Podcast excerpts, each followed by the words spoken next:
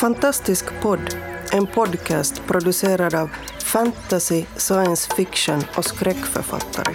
På svenska, i Sverige och Finland. Vi snackar skriva, böcker, våndor och vändor i våra och andras världar.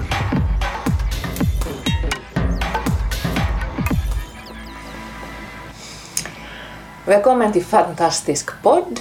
Uh, idag är det grupp Finland som ska sitta och diskutera uh, fantastik och skrivande och idag tänkte vi tala om att tala om våra böcker Och texter. och texter av olika slag. Um, jag heter Maria Turchaninov Och Jenny Wik heter jag. Mia Frank. Hannela Mikaela Taivassalo heter jag. Och en av orsakerna till att jag kom att tänka på det här temat var att jag alldeles nyss blev ombedd att beskriva vad mina senaste böcker handlar om. Och plötsligt kändes det fullständigt omöjligt att göra det. Um, ens, först kände jag liksom så att jag ville inte pitcha, eller det kändes väldigt svårt. Jag borde ju ha en, en så kallad hisspitch som man skulle kunna då snabbt slänga fram proffsigt och säljande med en bra hook beskriva sin bok. Men, men det var jag inte alls förberedd på och sen kände jag också att jag ville inte ens egentligen berätta om handlingen. Och jag har försökt fundera varför.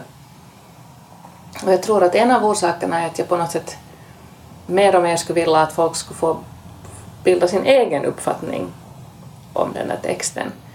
Att jag inte ska nu komma och servera någon slags ähm, ähm, instruktionshandbok för hur man ska närma sig den eller läsa den eller vad man ska förvänta sig att man ska hitta där. Men om jag är riktigt ärlig så, så, så fanns det också tror jag ett element av att, att jag tyckte att, att om jag ska beskriva det så här kort nu, vad det här handlar om, så låter det fånigt. Jag känner nog igen det där jättemycket. Den där känslan. Alltså att det är sådär... Just det här boy meets a girl eller något sånt här. Det blir som... Det blir ju klichéer. Ja, det blir så Ja. förenklat. Ja. Så jag tycker att det är helt grundläggande eh, för, för mig, just den där känslan av att jag har ju skrivit en bok. Jag har ju skrivit det jag ville säga där. Därför skrev jag den där boken. Varför ska jag nu börja liksom säga någonting? Och jag, jag tycker att jag alltid har, speciellt i initialskedet när man ska börja tala om en ny bok, en så här otrolig ovilja att, att börja, börja förklara den. Just för att jag, att, att jag är inte kanske den som ska ge min, min tolkning av det här verket. Jag ska inte, ge någon, jag, jag ska inte handleda någon genom det här verket och berätta, berätta hur man ska läsa hur man ska läsa det utan det, det är tvärtom just alla andra som ska göra det och in, inte jag. Men Men samtidigt när man står där och säger ah, du har skrivit en bok, vad handlar den om? ja, och det är ju den vanligaste frågan. Förstås. Den van, vanligaste och svåraste frågar frågan i den situationen. Vad handlar det Men, men kan man inte då, alltså nu känner jag att litteraturvetaren i mig vaknar, kan man inte bara ta då så här, med Foucaultskt perspektiv och säga att författaren är död? Att jag kan inte svara på det där, du måste läsa och berätta för författaren har dött när den har skrivit sitt verk och finns inte mera. Men samtidigt tänker jag på någon stackare som man då träffar på ett café och inte känner och som Och som inte vet något om Foucault heller. Nej, och som bara är intresserad. Ah, du har skrivit en bok, vad handlar den om? Och så säger man någonting sånt Jag är död. Du ska läsa boken. Och det är helt vad? Varför? Så varför Just ska det, jag läsa varför ska jag boken? läsa boken? Så, Ja. så att äh, läs inte. Skit i den här boken.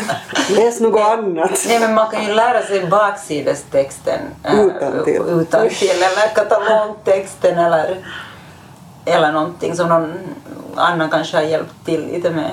Ja just det, det blir dessutom att du har den där baksidestexten som någon annan på något vis också har skrivit så man är inte helt säker på om man är där. Ja, Mm.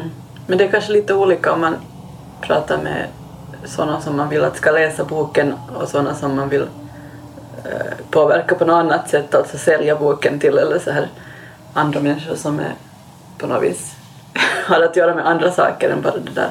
Men, men vad Läsa. svarar du sen då Maria? Den här människan som frågar. Oh, det blev- det var hemskt pin. På något sätt det var en jättejobbig situation. För först försökte jag sådär bara humma och haffa och säga någonting. Ja, ja, det är sån här fantasy ungefär. Ja, men vad handlar den om? Och sen, vad sa jag? Det var en läsande människa som du gjorde nu jättebesviken. Ja, för, för, jag, för jag, liksom, för jag tror jag sa också att oj, det känns plötsligt jättesvårt att pitcha den så här. Han var så här, behöver du pitcha den? Men jag bara liksom är nyfiken att skulle det här vara någonting som jag skulle vara intresserad av? Liksom, vad handlar den om? Jag tror att jag sa nog att ja, no, det är ett kloster där med här kvinnor och sen... Rösten började nästan Ja, mumla. ja, jag bara liksom svalde med. Kvinnor. Ka- kanske, Kvinnor. kanske liksom... Alltså det är nog några kvinnor, inte du nog intresserad. Ja, men varför blir jag sådär? En mycket, mycket, mycket liten ö, kanske. Men, men det, Finns nästan. Men där ser jag också på något sätt min... Det handlar ju också om, om min fördom. För att jag på något sätt läste av den här personen och tänkte att den där är nog inte ändå intresserad. Så, så då tyckte jag bara att det liksom... Det här var nog inte ändå kanske riktigt för dig. Jag borde bara sagt det. Ja, inte skulle du ändå gilla det. Fast det där skulle jag känna som, jaha, nu vill jag läsa. Ja. Men hej Mikaela, du har ju farit runt här nu. Ja, jag har just börjat tala om boken. De facto så har jag hört mig i någon av mina första intervjuer. Eh, förra veckan så kom min eh, grafiska roman Skandorama ut. Det vill säga förra veckan. Förra veckan nu när vi bandar in Förra det veckan nu här. när vi bandade in det här så nu finns den säkert kanske någonstans där ute. Ja, så nu har jag, eh, nu har jag faktiskt varit i den situationen att, att jag har varit tvungen att säga någonting om den här boken och jag har varit tvungen att, att, att börja säga någonting om boken och den allra första intervjun om den här boken var dessutom på finska som inte är mitt modersmål, som inte ens är mitt eh, Fadersmål. fadersmål, eller det, det är det väl nog på något sätt, men som, är, som jag eh, kan, men det är ett, ett främmande språk ändå. Det här är komplicerade saker i Sverige, vi, vi tar det en annan gång, jag orkar inte gå in på det nu.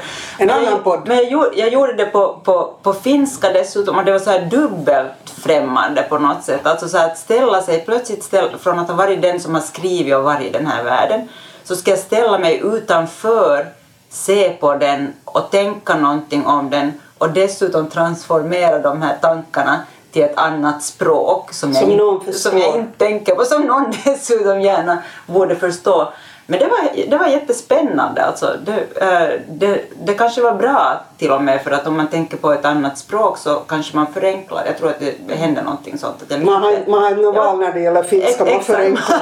man är bara tvungen att, att, att förenkla, förenkla det. Och på något sätt så, eh, just för, eh, för att jag hamnar i sådana situationer också, andra situationer, alltså direkt på några dagar så ska jag, så ska jag kunna Alltså samma dag ungefär som jag började tänka på att aha, jag måste börja formulera mig om den här boken så, jag, så hamnade jag i flera olika situationer där jag var tvungen att, att svara äh, både intervjusituationer som var liksom, äh, på scen och också intervjusituationer med, med människor som, som intervjuar mig för andra, andra medier. Äh, men det, det roliga var ju att det, det fanns ändå något svar på något sätt. Eller jag vet inte om det är roligt eller om det är hemskt, det, jag kan inte riktigt avgöra.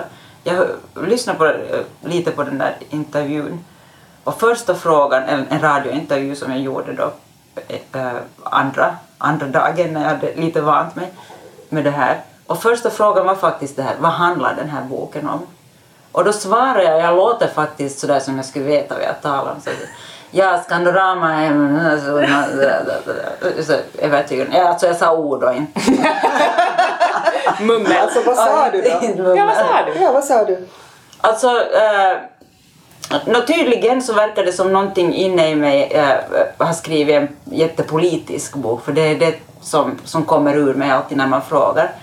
Eh, att ska, eh, Skandorama är en, eh, en stat bildad av, eh, av de nordiska av de nord, i framtiden, en, dystopisk stat i framtiden bildad av de eh, nordiska länderna eh, ur ur deras självgod, självgodhet, en, en stat där man har stängt alla gränser och dessutom försöker för, förverkliga Nu lyckades jag svara bättre då än nu när jag ska försöka låtsas att jag svarar. Och Där man stänger gränserna och försöker, Eh, försöker skapa, skapa en värld som, som, som, är, som är ren, eh, som är vacker och ren och skapa den vackra och rena människan. Dessutom också förädla människan med, med eh, olika former av genteknik. Och och, och det, det är liksom pre premisserna. Alltså egentligen en, en låter det, låter det när jag förklarar eller talar om den som, som att det liksom i första hand är en politisk roman för mig. Och sen kommer så nästa fråga, men den dystopi, finns det hopp?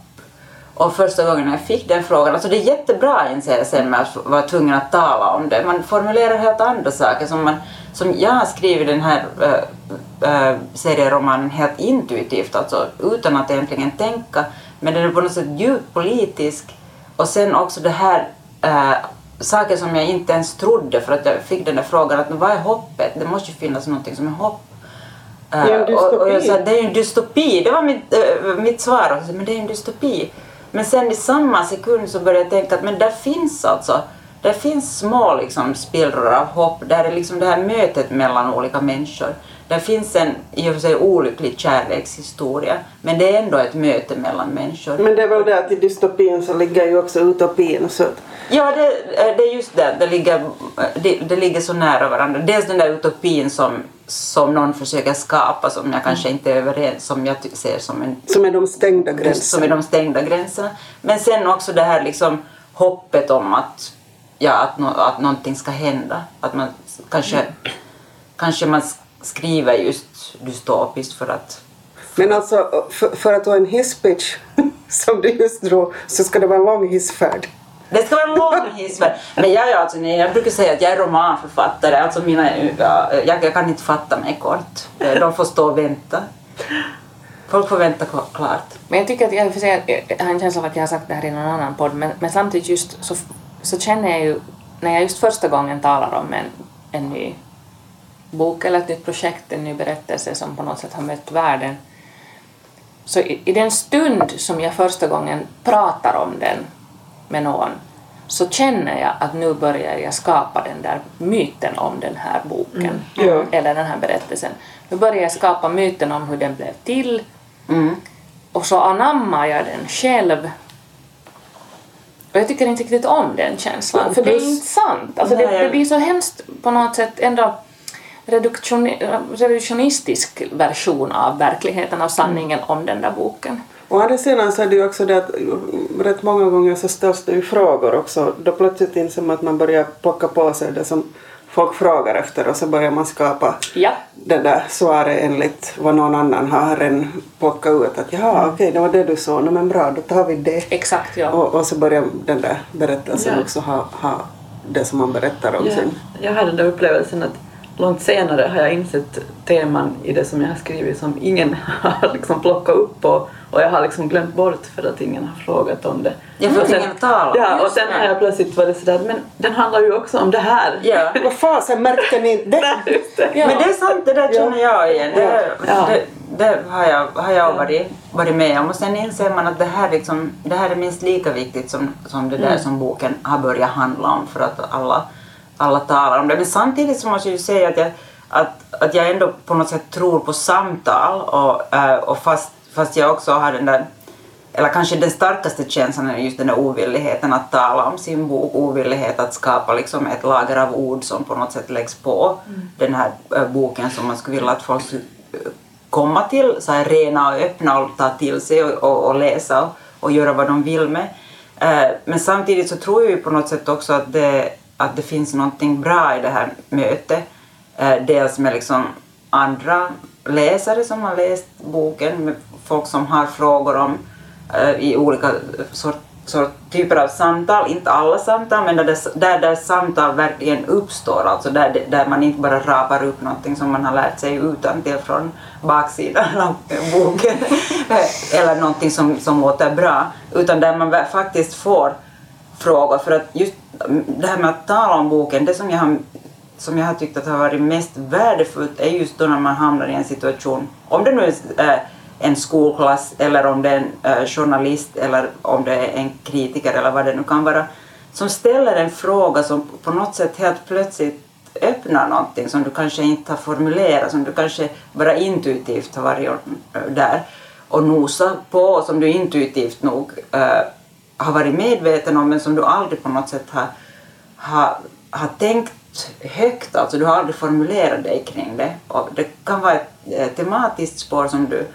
som du har känt av men som du aldrig har lyckats formulera som någon med sin fråga kan få dig uppmärksam på. Eller liksom så att hur du skriver. Att det är kanske enklare för någon annan att se. Så att jag tycker nog att det finns något spännande i, alltså det här är otroligt ambivalent, men något spännande i att, att på något sätt kastas ut vid sidan om sig själv för att det är ju det som händer när man är tvungen att, att sluta vara den som skriver den där boken eh, och plötsligt blir den vars bok finns ute där. Jag håller, liksom, jag håller med om, om just det här och just att, att man kan få de här frågorna som får en att se på det på ett nytt sätt själv och sådär. Men samtidigt så tänker jag att, hur ska jag säga, till vilken nytta? Eller jag menar, boken är ju där och, och de insikter eller tankar eller vad, vad som helst som jag har haft när jag skrivit så finns där och vad jag nu får för relation till dem efteråt Vet du, vad ska jag göra av det? Det är klart att man gör saker med det. Man fortsätter ju skriva nästa bok. Mm. Man skriver, fortsätter ju skriva hela tiden. Jag tror att det är bra att, att få syn på vad, vad det är man håller på med. Jag tror att man kan bli, eller man håller ju hela tiden, eller jag håller hela tiden på att formulera min poetik. Den är föränderlig och förändras hela tiden men ändå ändå ett liksom arbete. Jag, därför tror jag också att det, att det kan vara bra att läsa kritik till exempel. Inte, inte bara för att få liksom honung för sin själ, för att det, får man ju kanske, det ser man ju kanske inte ens utan man ser bara just kritiken. Men att det kan vara bra, du behöver inte hålla med om den men den kan få, få dig medveten om vad du, vad du håller på med, vad, det, vad som är ditt projekt. Du kan till och med liksom göra det ännu starkare. Jag satt och funderade på att, att alltså nu hade, eftersom jag inte just nu har åkt runt och pratat om något, men har pratat om den, det manus som jag har och som alltså blir bok först i höst. Men, men det jag har gjort eh, när det gäller att tala om det så är det definitivt inte en hisspitch utan jag har skrivit en essä som alltså handlar ja, ja. om hela, hela det jobbet. Därför att jag höll ett, ett, ett tal som handlar om det och det handlar alltså om finska krigsbarn eh, som skickades från Finland till Sverige och, och sen tillbaks. Och, och den där, då skrev jag en, eh, först ett tal som jag höll och nu har jag då skrivit om det till en essä som, som kommer att publiceras eh, där vid påsk. Eh, och och, och då, då handlar det definitivt inte om att på något vis prata om det kort utan tvärtom ganska långt eftersom det ska vara en lång, lång text. Då. Eh, och, och fundera lite på, på att, att på något vis så blir det ju som man också, eftersom jag då talar om, om saker som kanske inte direkt har bara med själva texten att göra utan har att göra med hur jag har jobbat med den så börjar jag kanske också styra det där samtalet eventuellt, det vet jag inte. Ja, fast det där tycker jag är helt otroligt intressant. Då är formen något helt annat. Jag börjar tänk, tänka på det att, att allt jag skriver just nu fort, fortfarande rör eller har beröringspunkter just med, med Skandorama och just det här dystopiska. Men det är kanske liksom orsaken till varför jag skrev den här, så här världen vi lever i just nu. Så att, att alla liksom kolumner och essäer som jag har skrivit för, för tidskrifter nu så landar på något sätt jättenära nära det här. Eh, den förra kolumnen handlade om, om vad heter det, eh, just främlingsfientlighet i en så lätt skön litterär form. Och det som jag skriver nu handlar om uh, skönhetens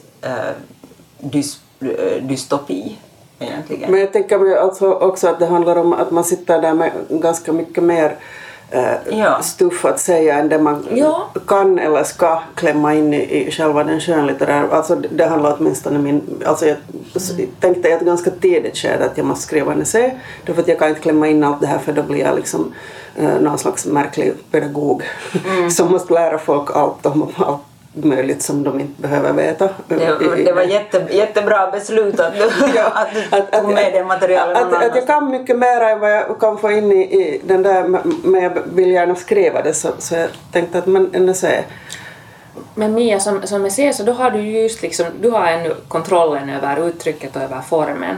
Och, och, och jag kanske just upplever att, att med de här diskussionerna, de här frågorna, de här um, förväntningarna på att man ska berätta om det eller som du sa äh, Mikaela med kritiken att man kan få liksom upp ögonen för mm. egna teman. Men samtidigt så, så, så, så är jag också Men det fick jag nog också i det här därför att alltså när jag skickade in den då till, till det där dit jag skickade in den eh, så det där eh, så så kom det ju alltså frågor om vissa saker Mm. och, och någon av de där frågorna så vet jag att jag kände att jag försökte skriva någon slags svar på och, och så tog jag genast bort det för att jag kände mig jätteobekväm i att säga det. Att, för det, plötsligt kom det på något vis för nära, blev för privat eftersom det ju alltså rätt långt handlar sen ju också om, om eh, min mamma och på något vis min relation till min mamma.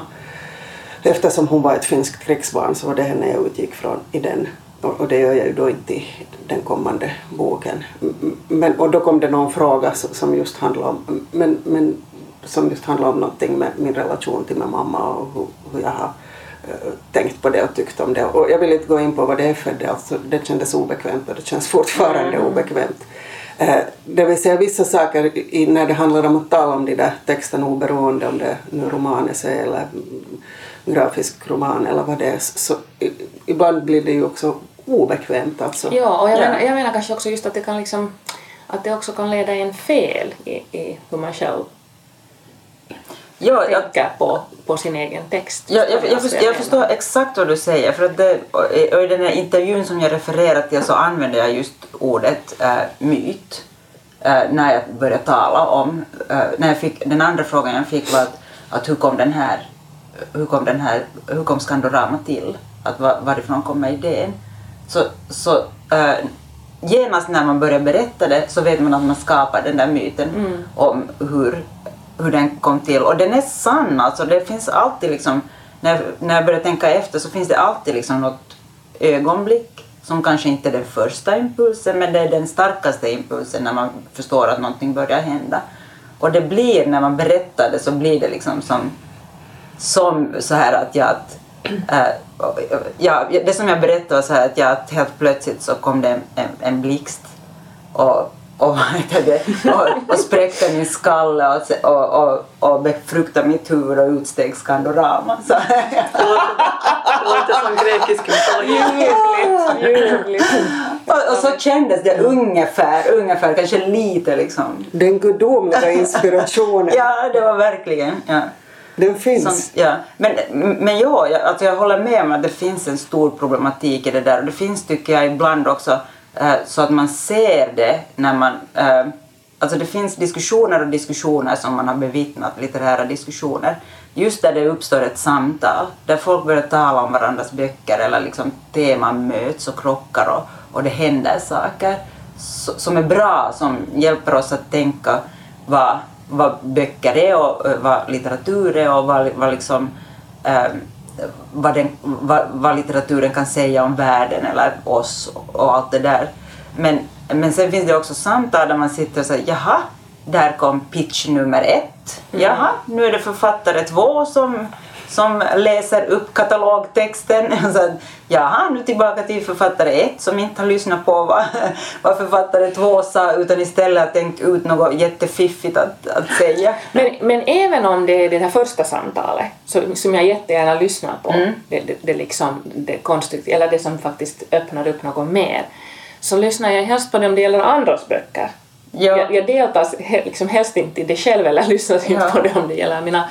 Eller jag vet inte, och det här är någonting som är för mig relativt nytt, jag har inte varit så här anti och tvär och emot, men det är någonting som har börjat hända nu liksom, där jag plötsligt Ja. känner att det kan ha också eventuellt, nu spekulerar jag bara off the top of my head, men att, att det har att göra med, med, med liksom att, att jag ibland kanske upplever att att helt på sista tiden att mina egna böcker har blivit utsatta för en viss sån här reduktionism när det gäller just tema och, och liksom just nu fokuserar alla väldigt mycket på feminismen. Och det är bara liksom frågor, bara, men det är mycket frågor kring det och också när jag besöker skolor och så frågar de liksom att "Va- varför har du skrivit en feministisk roman eller har du fått kritik för att du har skrivit en feministisk roman och, och, och det är ju liksom så väldigt mycket som handlar om vad som ligger i tiden just nu. Känner du då att du har skrivit en feministisk roman?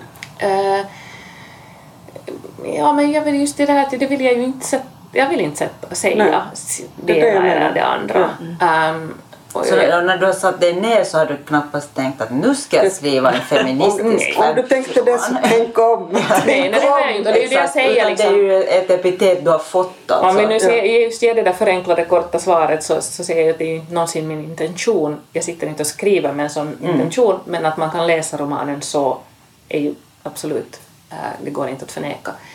Men, men som jag sa så det finns äh, väldigt många andra också teman som är viktiga för mig som finns i de där böckerna som inte just nu lyfts fram för att det är inte det som är på tapeten, det är inte det som väcker debatt. Um, Så jag, först, Ja. jag förstår nog. På något sätt så tycker jag att, att, att liksom din reaktion på det är djupt hälsosam. Alltså. att man blir så här, att, äh, så här anti-samtal och på något sätt liksom kritisk mot vad som sägs och vad man säger. För att där, just när man blir kritisk så, så kan man ju istället leda in det på, det, på, på andra spår. Försöka liksom så här, öppna upp för någonting annat. Svara att ja, den är liksom klart feministisk. Men Men det handlar också om... Ja. Men, men samtidigt är det just att jag vill inte sitta där och leda, förstå, liksom, Mm, det är det här jag ja, vill ja. liksom leda in på det ena spåret eller det andra Ja, spåret. jag, Nåja. jag förstår men överhuvudtaget så, så tycker jag, jag, och jag tycker att jag känner igen det där, jag tycker det har alltid funnits, alltså just så här, motvillighet att, att på något sätt eh, ordna eller inordna sig i någonting och bli inordnad i fack och sådär.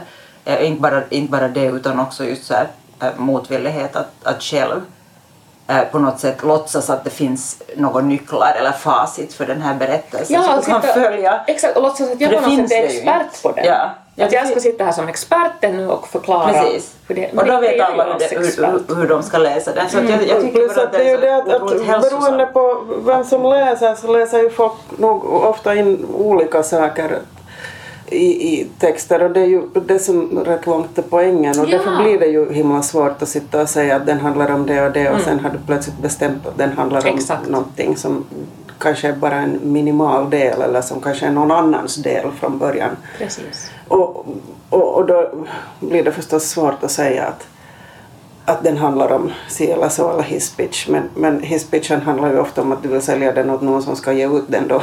Ja, Jag hör Och då är det alltid någon- his bitch. om, om man gör jättemånga hisspitchar så blir man en hissbitch. Okej. Och samtidigt tycker jag att det förväntas av en mer och mer hela tiden. Mm. Att man ska kunna vara den där verbala personen som antingen säljer in eller berättar om eller förklarar. Mm. Men en sak som jag också ibland har tänkt att, eller märkt att jag gör är att jag plötsligt plockar upp någon helt obskyr detalj ur den där berättelsen och säger ja, det handlar nu om kråkor. Ja. Ja, ja. Det egentligen borde man göra. Ja, då brukar jag brukar börja ljuga sen efter Ja. en stund. Jag uttråkad, uttråkad på mig själv. Och sen när de börjar jag söka efter på. kråkorna så good Ja. luck. Ja, så finns det kanske en kråka där, Ja, men den flyger men, det förbi snabbt. men det handlar inte just något alls om kråkor. Men sånt där brukar jag syssla med och göra någon annan till huvudperson. Men sen får man ju också ibland frågor som är alldeles oväsentliga som inte leder någon vart. Som är just här, eh, samtal med publiken. Ja, du, du är där framme så här, Varför är leran brun? och det här, det här är ett direkt citat. Eller den andra, den andra, Lera är ju grått. eller den andra frågan man får den andra frågan som man kan få är den där långa utläggningen som ställer frågan och ger svaret och då säger man ja. jo, den som egentligen bara ville prata. Ja. Som inte är en fråga alls. En kommentar. Ja, och det kanske är riktigt skönt att inte behöva prata om boken. Du har lyssnat på Fantastisk podd. Om du trivdes i vårt fantastiska poddsällskap och vill ha mer så hittar du äldre poddar och information om oss som deltar på vår hemsida under fantastiskpodd.se och på vår Facebook-sida Fantastisk podd. Har du frågor eller förslag på vad du tycker att vi ska tala om, hör gärna av dig antingen på Facebook eller via kommentarer på hemsidan. Vi hörs!